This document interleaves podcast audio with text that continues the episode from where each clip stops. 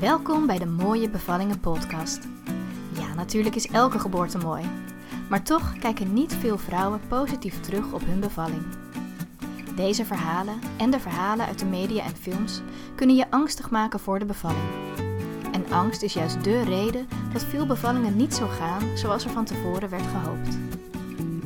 Met deze podcast kun je je heerlijk baden in verhalen van vrouwen die wel positief op hun bevalling terugkijken.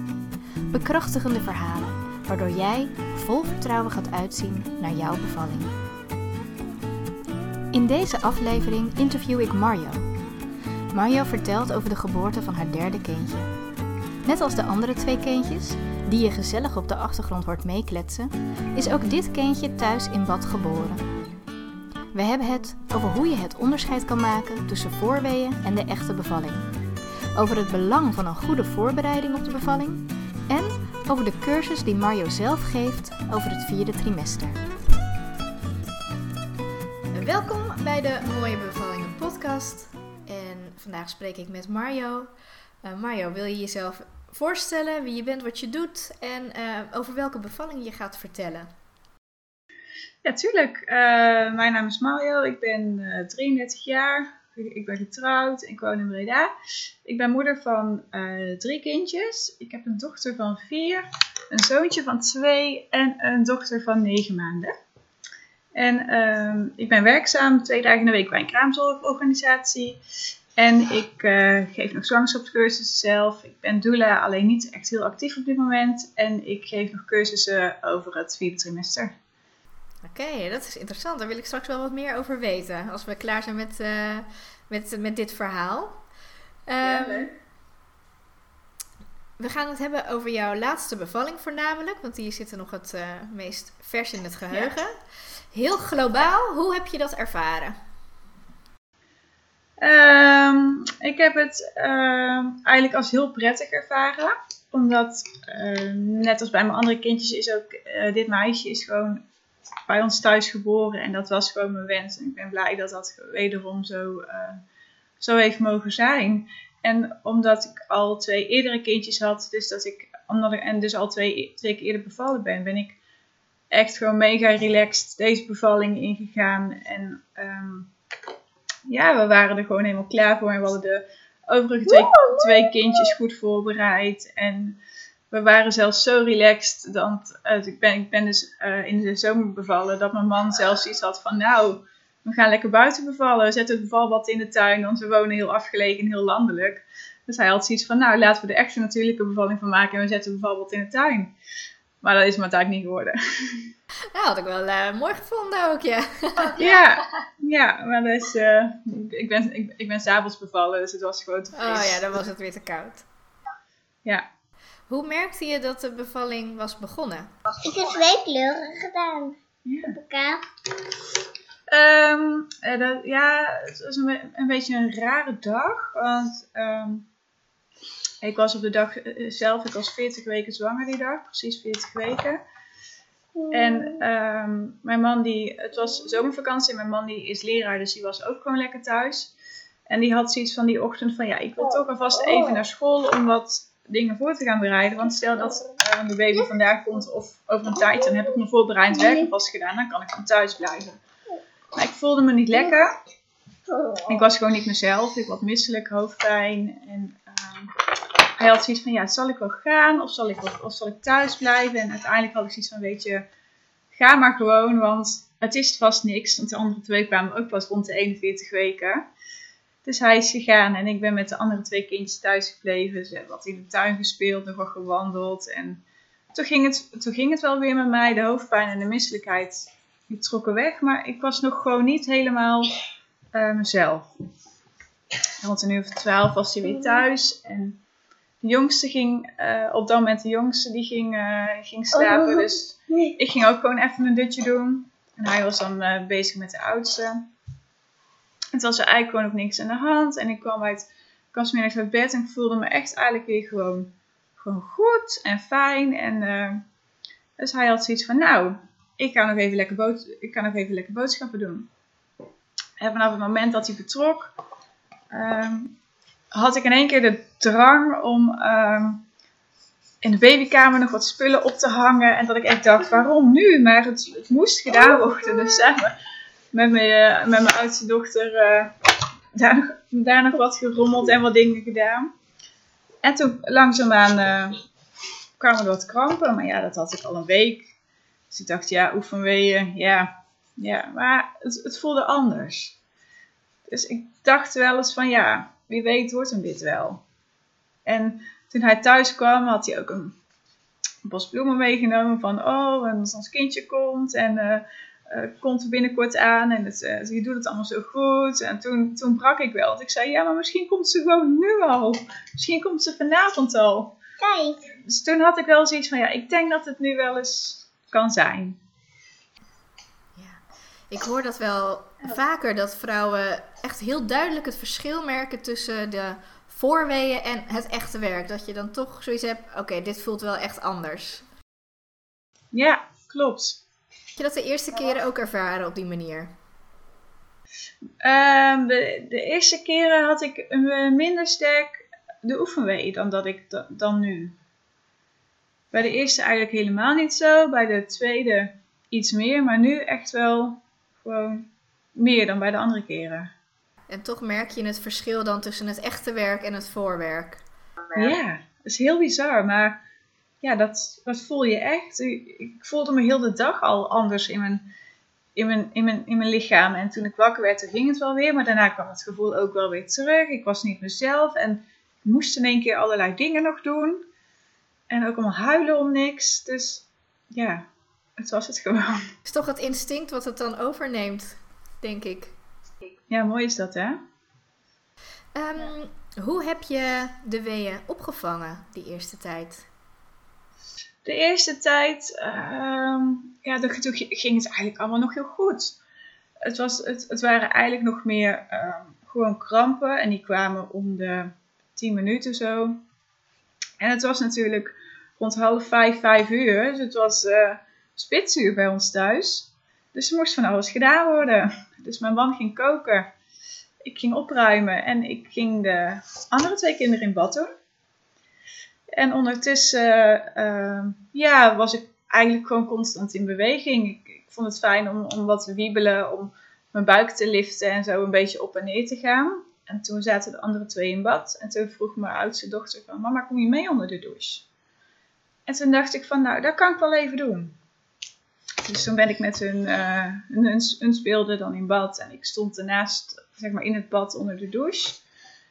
Ze kon gewoon een beetje tegen de muur hangen en gewoon ook zo wat wiebelen. En toen vroeg zij ook van, uh, goh mama, komt de, komt de baby? Dus ik zei tegen haar van, ja, ik denk wel dat de baby komt.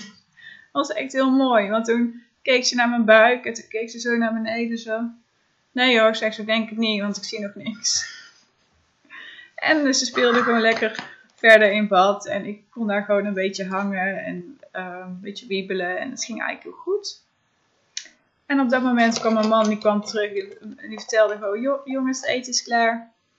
Dus die haalde de kinderen uit bad, droogde ze af, zette ze aan tafel.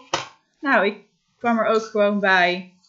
En um, kon gewoon met ze mee eten. Ik moest alleen af en toe, als ik een week kreeg, ging ik gewoon even staan en mijn buik weer liften en zo op en neer bewegen.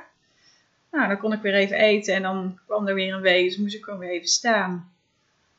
Dat ging eigenlijk heel goed. Nou ja, het, uh, ik nog meegeholpen om, uh, om hun in bed te leggen. Ze lagen wel iets eerder in bed dan uh, eh, 7 uur, omdat we toch gewoon de rust in huis hadden. Maar ze, ze accepteerden het prima en zonder gedoe en mopperen en vielen ze ook heel snel in slaap. Alsof ze het ook wel gewoon aanvoelden van nou, er gaat iets gebeuren, dus we gaan maar gewoon slapen. En dat was eigenlijk echt heel fijn. En vanaf dat moment um, was er dus rust in huis. Dus mijn man die had verder nog alles opgeruimd en het huis was netjes aan haar kant. En um, ja, toen waren we er klaar voor. Dus toen um, kwamen de weeën ook iets sneller op elkaar.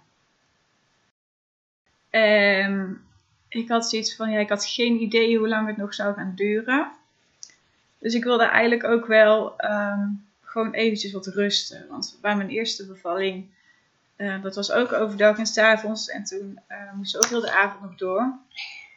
Of, ja, toen duurde de latente fase ook gewoon best wel lang. Dus ik had geen idee hoe lang, het, hoe lang dat nu zou gaan duren.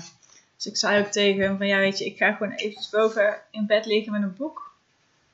En dan, en dan zien we het wel. Hopelijk kan ik wat rust of wat slapen. En of even wat energie opdoen voor wat te komen gaat. Omdat het, ja, dat het, dat het managen was en dat het door aan het zetten was, dat ehm, hadden we wel gewoon in de gaten.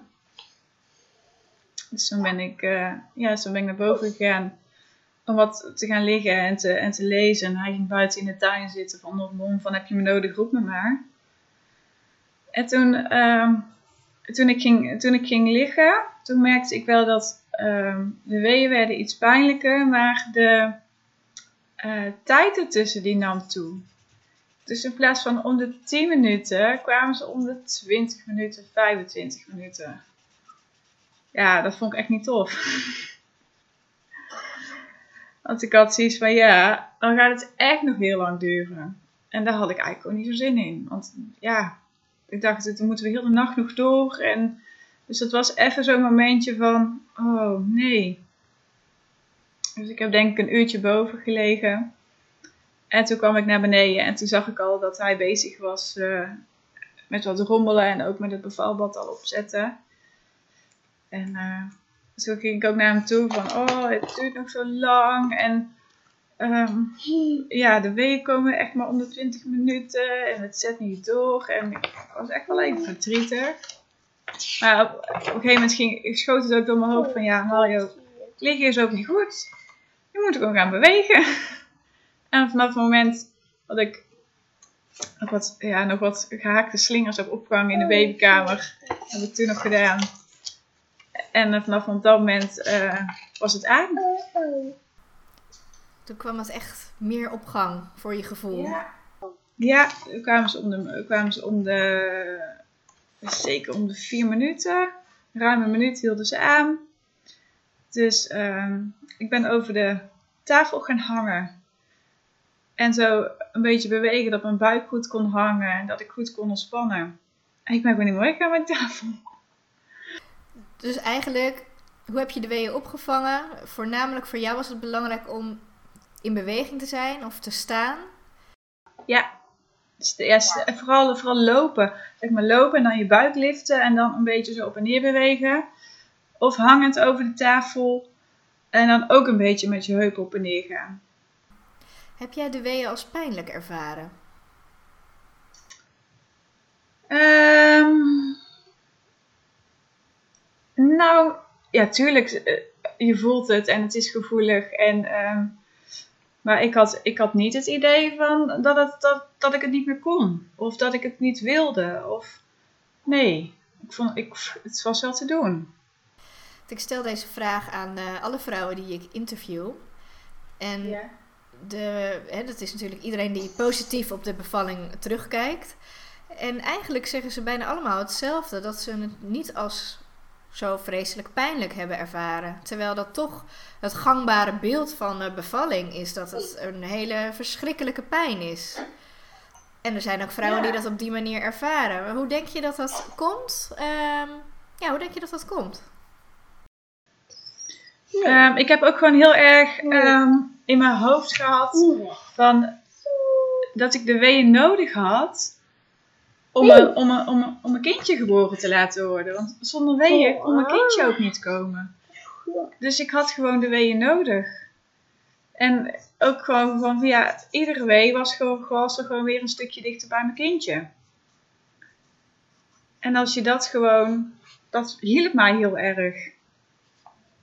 En een stukje, en een stukje focus, op, focus op mijn ademhaling. Ja, eigenlijk een kwestie van mindset. Ja. Ja, dat denk ik wel. Ik hoor dat wel bij meer vrouwen. Dat de mindset ook heel belangrijk is. Zeker ook in de manier waarop ze erop terugkijken. Maar dat is natuurlijk ook iets wat ik zelf bijvoorbeeld aan mijn zwangere vrouwen leer. En ik denk jij ook. Het belang van de ontspanning. En het stukje mindset, dat als jij constant in je, in je angst gaat zitten en oh pijn, kan het niet, ja dan bouwt dat zich alleen maar op. Ja, dan ga je natuurlijk ook verkrampen en komt, ook, komt de oxytocine niet vrij. En ja, Kijk, en dat stukje theorie, dat had ik ook wel, maar dat is niet wat dat op dat moment naar boven kwam. Nee. Het was, het was puur dat ik ook echt gewoon dacht van ja, ik heb gewoon de weeën nodig. Ja, Zonder weeën komt er geen kindje. ja. Is natuurlijk ook zo. Ja. Was jij ook al doula eh, voor deze bevalling? Of wanneer ben jij doula geworden? Ik ben ehm, eind 2014 heb ik de doula-opleiding afgerond. En begin, twe- en begin 2015 raakte ik zwanger van ons eerste kindje. Dus ja, jij, jouw kennis had je al. Ja, die heb ik bij alle drie de bevallingen gehad. Ja. En misschien is dat ook wel de reden hè, dat je die kennis hebt. Dat dat ook geresulteerd heeft in drie mooie... Dat, dat denk ik wel, ja. Ik heb, ik heb natuurlijk daar heel veel kennis op gedaan en ook, en ook er- ervaringen van bevallingen die ik al begeleid heb. Ehm, dus daardoor wist ik natuurlijk wel hoe een bevalling verliep. Al is elke bevalling natuurlijk anders. Maar ehm, je ziet en je leert natuurlijk heel veel. En daardoor kon ik ook al wel goed inschatten van wat lijkt mij wel prettig en wat lijkt mij niet prettig. En inderdaad, het, het stukje verhaal over de werking van de hormonen en wel niet bewegen en het, eh, hoe belangrijk ontspanning is, ja, dat is er bij mij ingestampt. Dus dat is iets wat dan toch, ehm, ja, wat je toch meeneemt. Ja, dat is ook zeker zo. En ehm, ik vind het ook jammer dat daar niet al vanaf veel jongere leeftijd dat we daarmee in aanraking komen. Want het is niet, dat, hè, dit hebben wij dan toevallig geleerd eh, bij Ja. onze beroepskeuze. Ja. Maar eh, heel veel vrouwen volgen geen cursus en die weten dat dan niet. En die worden gewoon overvallen van, oh wat is dit en wat gebeurt er in mijn lichaam en ik wil het niet. Ja, en dan komt natuurlijk de stress om de hoek kijken, wat gewoon, ja, echt niet prettig is. Ja, nou gelukkig zijn er steeds meer vrouwen, ook zoals wij, die dan wel die kennis verspreiden. Ja. Dat dat uiteindelijk hoop ik dat het tot een hele ja, bewustzijnsswitch eh, leidt. Ik hoop het, want het, het, het levert je zoveel op. Ja. En ook voor de, voor de kinderen zelf die geboren worden, is het natuurlijk ook een hele prettige manier. Nou ja, ook dat, want ook met die achtergrond heb ik ook gewoon heel bewust gekozen Dus voor, eh, voor badbevallingen thuis. Omdat ik ehm, zachte landingen wilde voor mijn kindjes. En ehm, als ik kijk naar, het- naar het stukje ontspanning, ja, ik voel me nergens zo prettig als in mijn eigen huis. En ja, ik, zo kon ik gewoon zelf heel mijn setting creëren samen met mijn man. Hoe, hoe wij het wilden en wat voor ons prettig en gewenst was. Zonder dat we ja, een soort van last hadden van andere mensen of mensen die ons stoorden. We konden gewoon volledig in onze eigen bubbel blijven. En dat was gewoon zo fijn. Dat, zo heb ik dat ook ervaren. Ja. Gewoon in ons, ei- on- ons eigen plekje, ons eigen nest. Ja. Hoe lang duurde het voordat je volledige ontsluiting had? Ik denk dat eh, op, vanaf het moment dat ik echt besefte van, van dit is het, tot het moment dat, ehm, dat ik volledige ontsluiting had, heeft ongeveer vijf uurtjes geduurd. Was dat je snelste bevalling? Ja. Dus elke keer ging het misschien wat sneller bij je. Ja. Alleen ik, had- ik had wel bij de laatste bevalling, op het moment dat ik echt in de ontsluitingsfase kwam, dus met een stukje hele, hele actieve weeën tot het moment van volledige ontsluiting, ja, dat heeft anderhalf uur geduurd. Oké. Ja. Dus het stukje daarvoor, dat was, dat was echt nog een beetje wat aan, dat, dat, dat aanrommelen. En ehm, ja, dat het allemaal nog prima te doen was. En ja, dat was ook het stukje inderdaad waarin ik nog meer de kinderen op bed had gelegd en dat soort dingen. Maar toen had ik al wel het idee van, het zit er wel aan te komen. Het zet ze nu wel door. Dat is eigenlijk een hele snelle bevalling. Ja, ja. Terwijl ik er nog, toen ik van dat rusten vandaan kwam, echt wel dacht van, oh, dit gaat er niet meer worden. Toen eenmaal die actieve fase was begonnen en de weeën om de vier minuten kwamen, hoe voelde je je toen? Was je goed, eh, was je een beetje zen of was je toch ergens wat onrustig? Ik was, ehm, ik was eigenlijk wel heel zen. Maar ik was ook nog wel alert. Ik, ik, ik, zat wel, ik was wel heel erg gefocust op mezelf, maar ik had toch nog een beetje in de gaten ehm, wat mijn man allemaal aan het doen was. Dus die was inderdaad, die, die moest mij tegendruk geven ehm, bij, mijn, bij mijn onderrug. Maar op het moment dat er geen wee was, was hij dus nog bezig om het bad op te zetten, want dat was nog, dat was, ja, dat was nog niet klaar. Ondertussen ging hij nog de verloskundige bellen. En daar, wij wonen zo afgelegen dat we niet altijd een goede telefoonverbinding hebben. Dus die viel ook nog drie keer weg. Dus dat heb ik allemaal wel meegekregen. Dus daar was je nog wel ja, bewust mee bezig. Met dat soort regelzaakjes. Ja, nou, ik was, ik was me er niet helemaal bewust van. Maar ik zag wel dat hij dat aan het doen was. Dus had hij op een, moment, op een gegeven moment ook wel vragen van... Hoe lang duurt je wee? Hoeveel tijd zit er tussen? Ik dacht, oh jongen, moet ik daar ook nog niet op gaan letten? Ik zei, dan mag jij in de gaten houden. En wie was er naast je man nog meer aanwezig bij de bevalling? En wat hebben zij eh, voor jou betekend? Ehm, er waren twee verloskundigen bij en, um, en er was kraamhulp bij. En dat er twee verloskundigen bij waren, dat was uh, omdat om tien uur s avonds zou een wisseling zijn van dienst. En um, rond kwart over negen belde mijn man de verloskundige op dat, het echt wel actief, uh, dat ik echt wel actief bezig was. Um, dus toen uh, ja, kwamen er twee verloskundigen, omdat de dienstwisseling hier plaats zou vinden. En ze zijn allebei gebleven? Ja, en dat heb ik, uh, vond ik heel prettig, want um, ik had stiekem wel een beetje een voorkeur voor een verloskundige. Want er was eentje die heeft ook de bevallingen gedaan van mijn andere twee kinderen. En uh, haar dienst begon die avond om tien uur. En ik wist dat ze dat weekend dienst had. Dus ik zei voor de gein tegen mijn man van... Oh, het zou wel fijn zijn als ik die weekend zou bevallen. Want dan, dan heeft ze alle drie de bevallingen van, van onze kinderen gedaan. En toen uh, kwam om half tien ongeveer kwam de ene verloskundige binnen. Is ook een hele fijne vrouw. En uh, die zei van nou, driemaal het scheepsrecht. De andere komt er zo aan. Dus uh, omdat, zij om, omdat om tien uur haar dienst begint, ze is, al, ze is al onderweg naar je huis. Maar omdat het, omdat het verder hartstikke vlot en hartstikke snel ging, is zij ook gewoon gebleven. Wat mooi. En toen uh, hebben hun, daar, daar, heb ik niet meegekregen hoor, heb ik de kraam, hebben ze nog de kraamhulp gebeld en die was echt uh, oh. net op tijd. Wanneer braken jouw vliezen? Op het moment dat het hoofdje geboren werd. Dus die zijn al die tijd ongeschonden gebleven? Uh, toen, de, toen de eerste verloskundige kwam, die was hier rond half tien s'avonds. En die vroeg aan mij of ik wilde weten hoe ver ik was. Oh. Of ze mocht kijken, vroeg ze. Dus ik heb daar, dus ik heb daar toestemming voor gegeven. En toen uh, had ik 8 centimeter ontsluiting.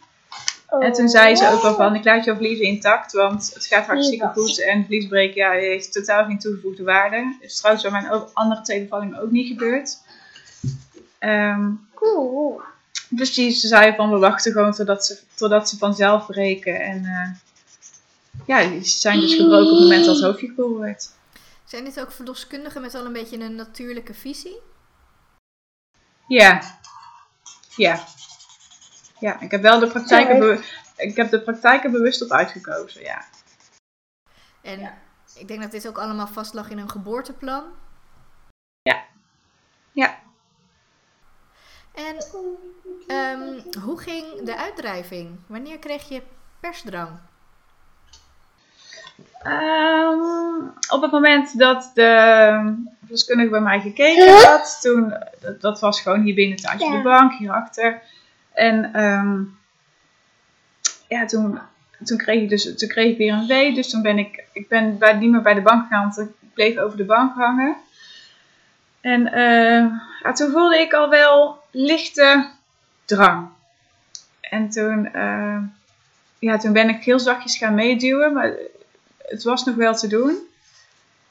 En iets voor tienen stond er in één keer een vrouw voor me die zei: Hoi, ik ben Carla, ik ben de kraamhulp. Ik dacht: Hoi, laat me maar.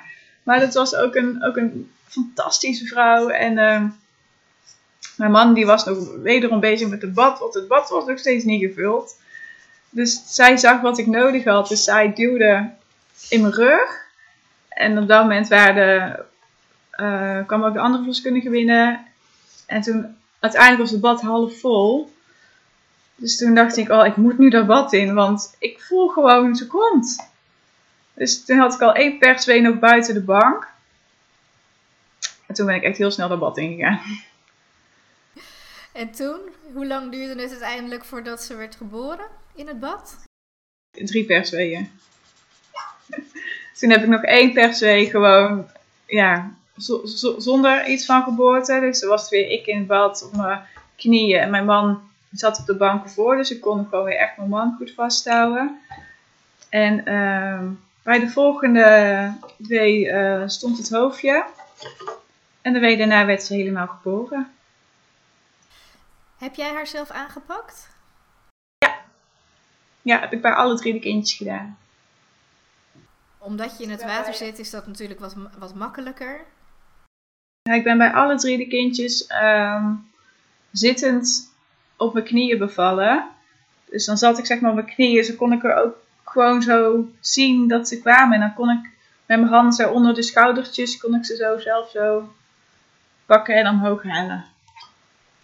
Heb je haar ook nog even onder water uh, gehouden? Een uh, rustige overgang? Uh... Ja, het is echt nog wel een tijdje gewoon onder water ehm, gelegen en zo alles bekeken. En toen heb ik er gewoon rustig omhoog gehaald. En ze was zo rustig en zo relaxed. Volgens mij had ze gewoon nog niet eens het idee dat ze was geboren of zo. En ze bleef gewoon echt heel rustig bij me liggen en kijken. En ja, dat was gewoon heel mooi. Dus niet uh, heel hard gehuild waarschijnlijk? Nee, ze moest even geprikkeld worden.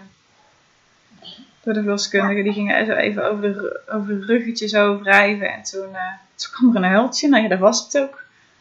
Dat is eigenlijk ook een uh, soort mythe, hè? dat babytjes heel hard moeten huilen. Vroeger werden baby's natuurlijk zelfs uh, op de billen geslagen of uh, in heel vroegere tijden ondersteboven gehangen. Ja. ja. Gelukkig komen we daar steeds meer van terug. Dat we gewoon ook weten dat als een kindje gewoon goed ademt, dat dat ook helemaal oké is. Dat het niet per se hoeft te huilen. Ja, dus dat, dat was ook gewoon, gewoon prima op dat moment. En gewoon, ja, fijn. Je zat op je handen en knieën en je hebt zelf de baby aangepakt. Nee, of je, op, je, op je knieën zat je? Op mijn knieën, met mijn handen die... Ja, tijdens een wee ging ik zeg maar zo over de badrand en daarachter zat mijn man. Dus ik kon hem zo echt helemaal op zijn armen knijpen en vasthouden. Ja, hij was niet ook in het bad. Hij was uit, buiten het bad. Ja. ja. Waren je andere kinderen er ook bij? Um, nou, dat was wel... Um, dat lieten we gewoon afhangen van afhangen vanaf van het moment. Stel dat de bevalling um, overdag zou plaatsvinden, dan mochten ze er van ons gewoon bij zijn. Dus vooral de oudste, die hadden we, um, hadden we daar ook op voorbereid. Ik heb wel daar filmpjes laten zien van uh, badbevallingen. We hadden het bad met haar opgezet, dus ik was al met haar in bad gegaan. En uh, dat vond ze fantastisch trouwens. Maar ja, op het moment zelf lag ze te slapen. En we hebben ervoor gekozen. En mijn man twijfelde heel erg van, um, zal ik hem wakker maken? Vroeg hij nog aan mij. Van, zal ik, zal ik Lies wakker maken? En, uh, maar ik was zo bezig dat ik eigenlijk dacht van, laat maar. Laat hem maar gewoon slapen. En de volgende baby kwam al bijna. Dus ja, ik had zoiets van, laat er gewoon maar even. Ja. Maar op het moment dat um, dat haar zusje, dat haar zusje geboren was. Nou, ik denk dat, dat ze vijf minuten of zo uh, bij mij zat. En dat hij zei, ik ga haar uit bed halen. Ze moet haar zusje zien. Ik ga haar wakker maken. Dus toen uh, ja, zat ik nog in bad. En de placenta die was nog niet eens geboren. En dus toen kwam ze gewoon uh, bij het bad staan en naar de zusje kijken. En mijn zoontje, ja, die was toen anderhalf. Dus die was echt gewoon te klein. Dus die hebben we gewoon laten slapen. En we hebben hem wel betrokken bij de voorbereidingen van goh en baby in de buik. En ook hem hebben we filmpjes laten zien en in het bad. Maar hij kreeg dat toch echt nog niet zo mee zoals zij. Nee, is nog niet heel bewust in ieder geval. Nee. Dat eerste uurtje na de geboorte, hoe heb je dat doorgebracht? liggend op de bank met, eh, met mijn dochter bovenop me. Uh, ik denk hoor, want eerst moest natuurlijk nog. Ik zat dus eerst in bad met, met Jette, met de jongste in mijn handen. En toen was zij, kwam zij kijken. En toen hebben we navelstreng laten uitkloppen. En na een minuut of twintig toen uh, ging ze even kijken van of de placenta al uh, los zat. Nou, die, ja, navelstreng was gewoon wit en alles was klaar. En dus toen... Uh, maar ik voelde eigenlijk nog niet echt, nog geen echte weeën meer. Nou, toen uh, trok de verloskundige gewoon heel zachtjes aan de navelstreng en de placenta kwam al. Ja, was toch al los? Ja, die was al los, ja, toch wel. Dus uh, die kwam toen. Hebben ze de placenta in een bak gedaan. En toen heeft mijn man. Uh, we zaten nog even te kijken van doen we een halve. Ja, laten we er nog even aan mij vastzitten, een stukje lotus. Maar dat hebben we uiteindelijk gewoon niet gedaan.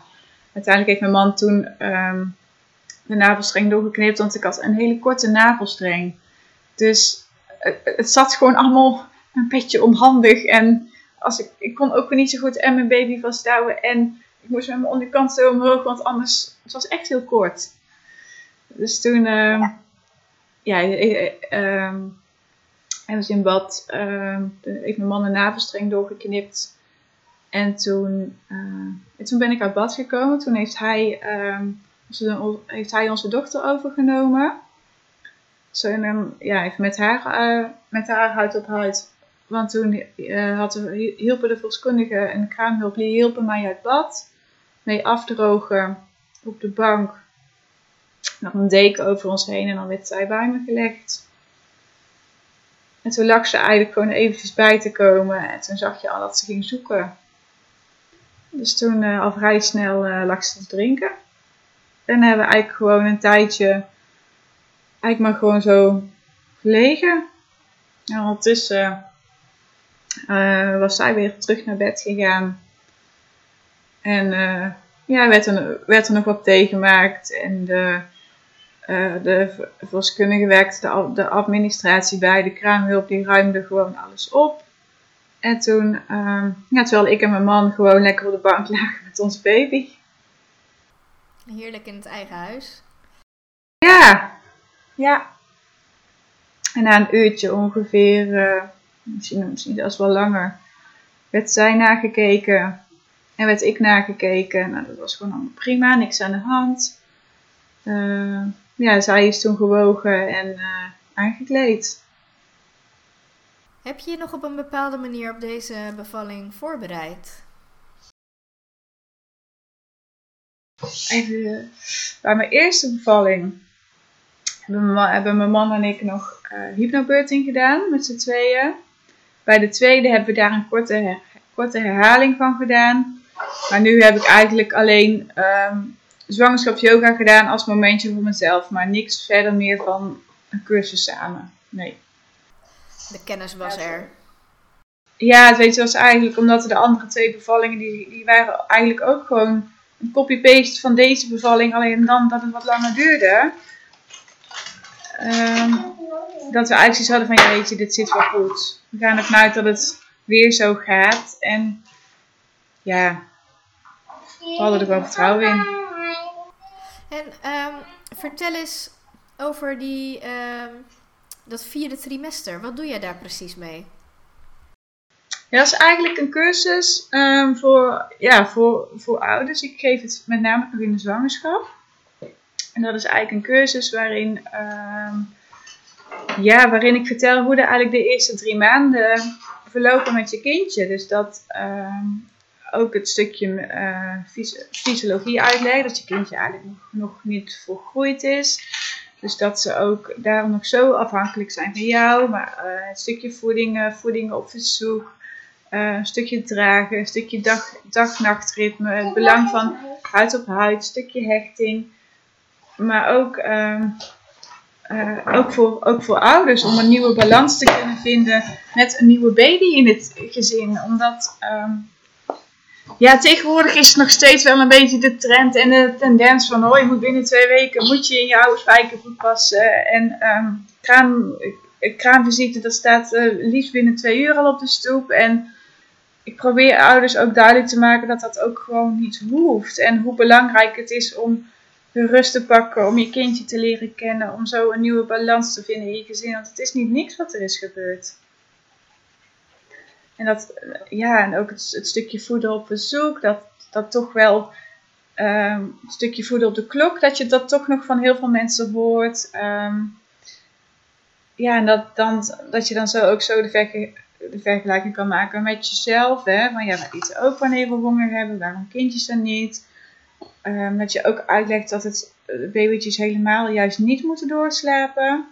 Van, vanwege allerlei redenen. En ja, je merkt dat dat ouders toch ook wel wat vertrouwen geeft. En, maar ook omdat ze dus zo'n ander beeld hebben van wat nu hoort en moet in de maatschappij, dat dit toch vaak voor ouders wel even een heel ander iets is.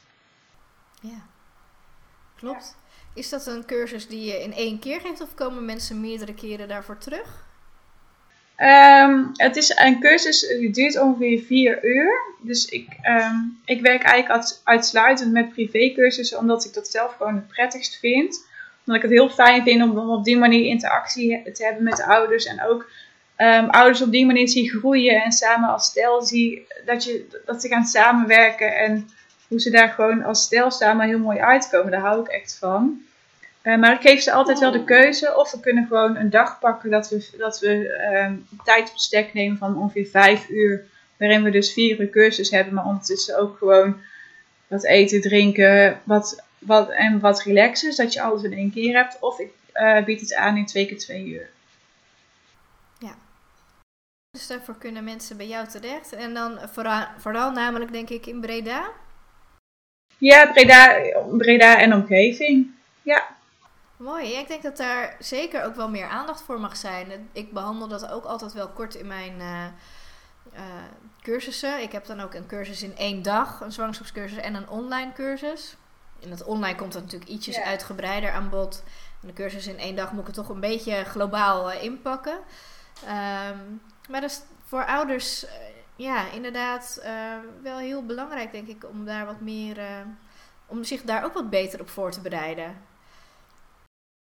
Nou ja, wat je, wat je ook gewoon ziet, is dat ouders ook gewoon uh, op het moment dat ze, dat ze horen dat ze zwanger zijn, dat het heel erg allemaal gaat van, oh, zo'n mooi mogelijke babykamer en zo'n zo mooi mogelijke kinderwagen. En ja, tuurlijk, daar is ook allemaal heel fijn als het kan, hè.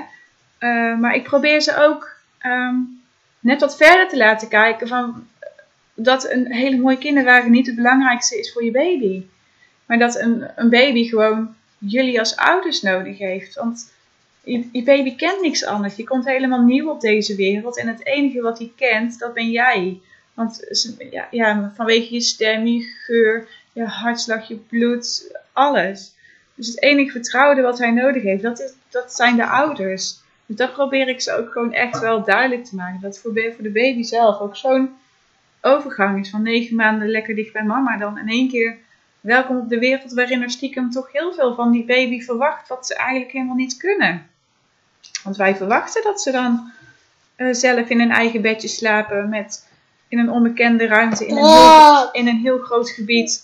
Wat ze nog nooit geleerd hebben, wat ze nog nooit kunnen, wat ze gewoon niet kennen. En vaak als je dat zo aan ouders uitlegt, dan zie je toch al dat ze denken van, oh ja, ja, het klinkt eigenlijk wel heel logisch. En dan vind ik het heel mooi om te zien als ze gewoon een hele perfecte babykamer hebben. Maar als je dan later hoort dat ze toch nog een wiegje op de ouderslaapkamer hebben gezet. Dat ze zo toch nog daar iets hebben gecreëerd voor de baby. En ja, dat, ze dat er toch nog uiteindelijk een, een, een draagdoek is gekomen. Of om zo aan de behoeften van de baby te kunnen voorzien. Ja, dat vind ik mooi.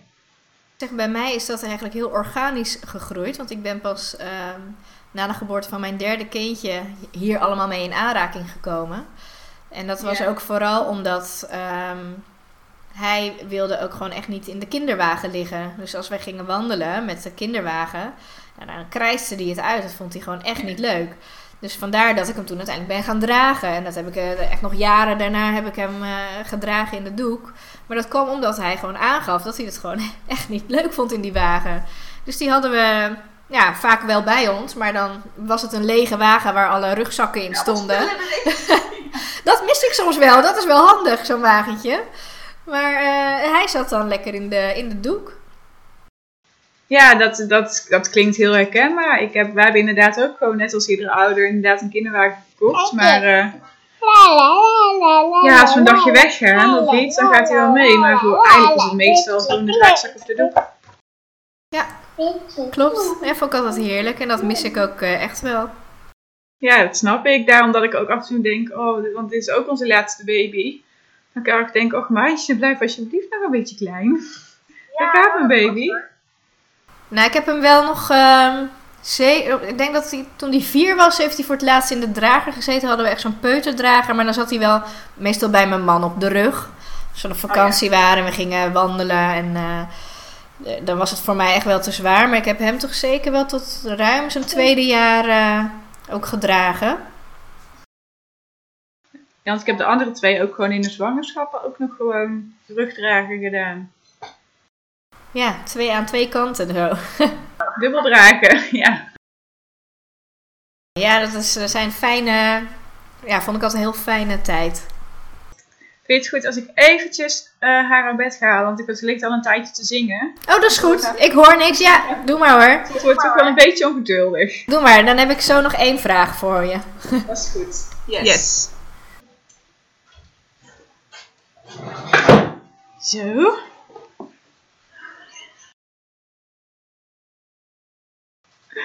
Dit is het. Daar is het kindje waar het allemaal om gaat. Dat is ze. Nou, wel lekker vrolijk als ze lekker ligt te zingen in bed. Altijd. Dit is toch zo'n vrolijke, gezellige baby. Oh, heerlijk. Ja. Als eh, afsluiter van het gesprek vraag ik altijd: eh, wat is nou jouw ultieme tip voor aanstaande ouders?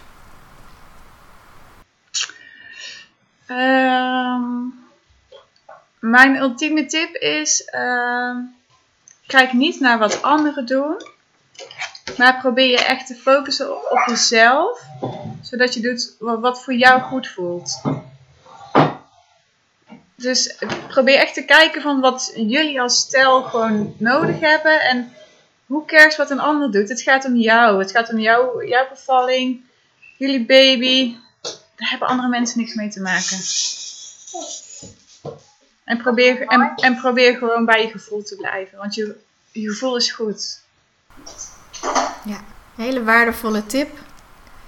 Dankjewel. ik hoop het. Ja, zeker. Nee, die, hadden- die had ik nog niet eh, eerder gehoord in de andere podcast. Dus eh, zeker weer heel mooi voor anderen om, eh, om dat te horen. Dan wil ik jou heel erg bedanken voor het delen van je verhaal.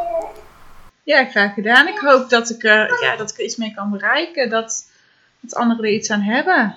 Zeker, ik denk dat elk eh, mooi bevallingsverhaal op dit moment gewoon heel waardevol is voor anderen om, eh, om te horen. Dus dank je wel dat je daaraan mee wilde werken. Ja, graag gedaan. Bedankt voor het luisteren naar de Mooie Bevallingen podcast. Kijk voor nieuws en tips op mijn Instagram, Esther Koppelaar Geboortecoach of Elements of Birth. En wil jij ook zo'n mooie bevalling beleven? Neem dan eens een kijkje op www.elementsofbirth.nl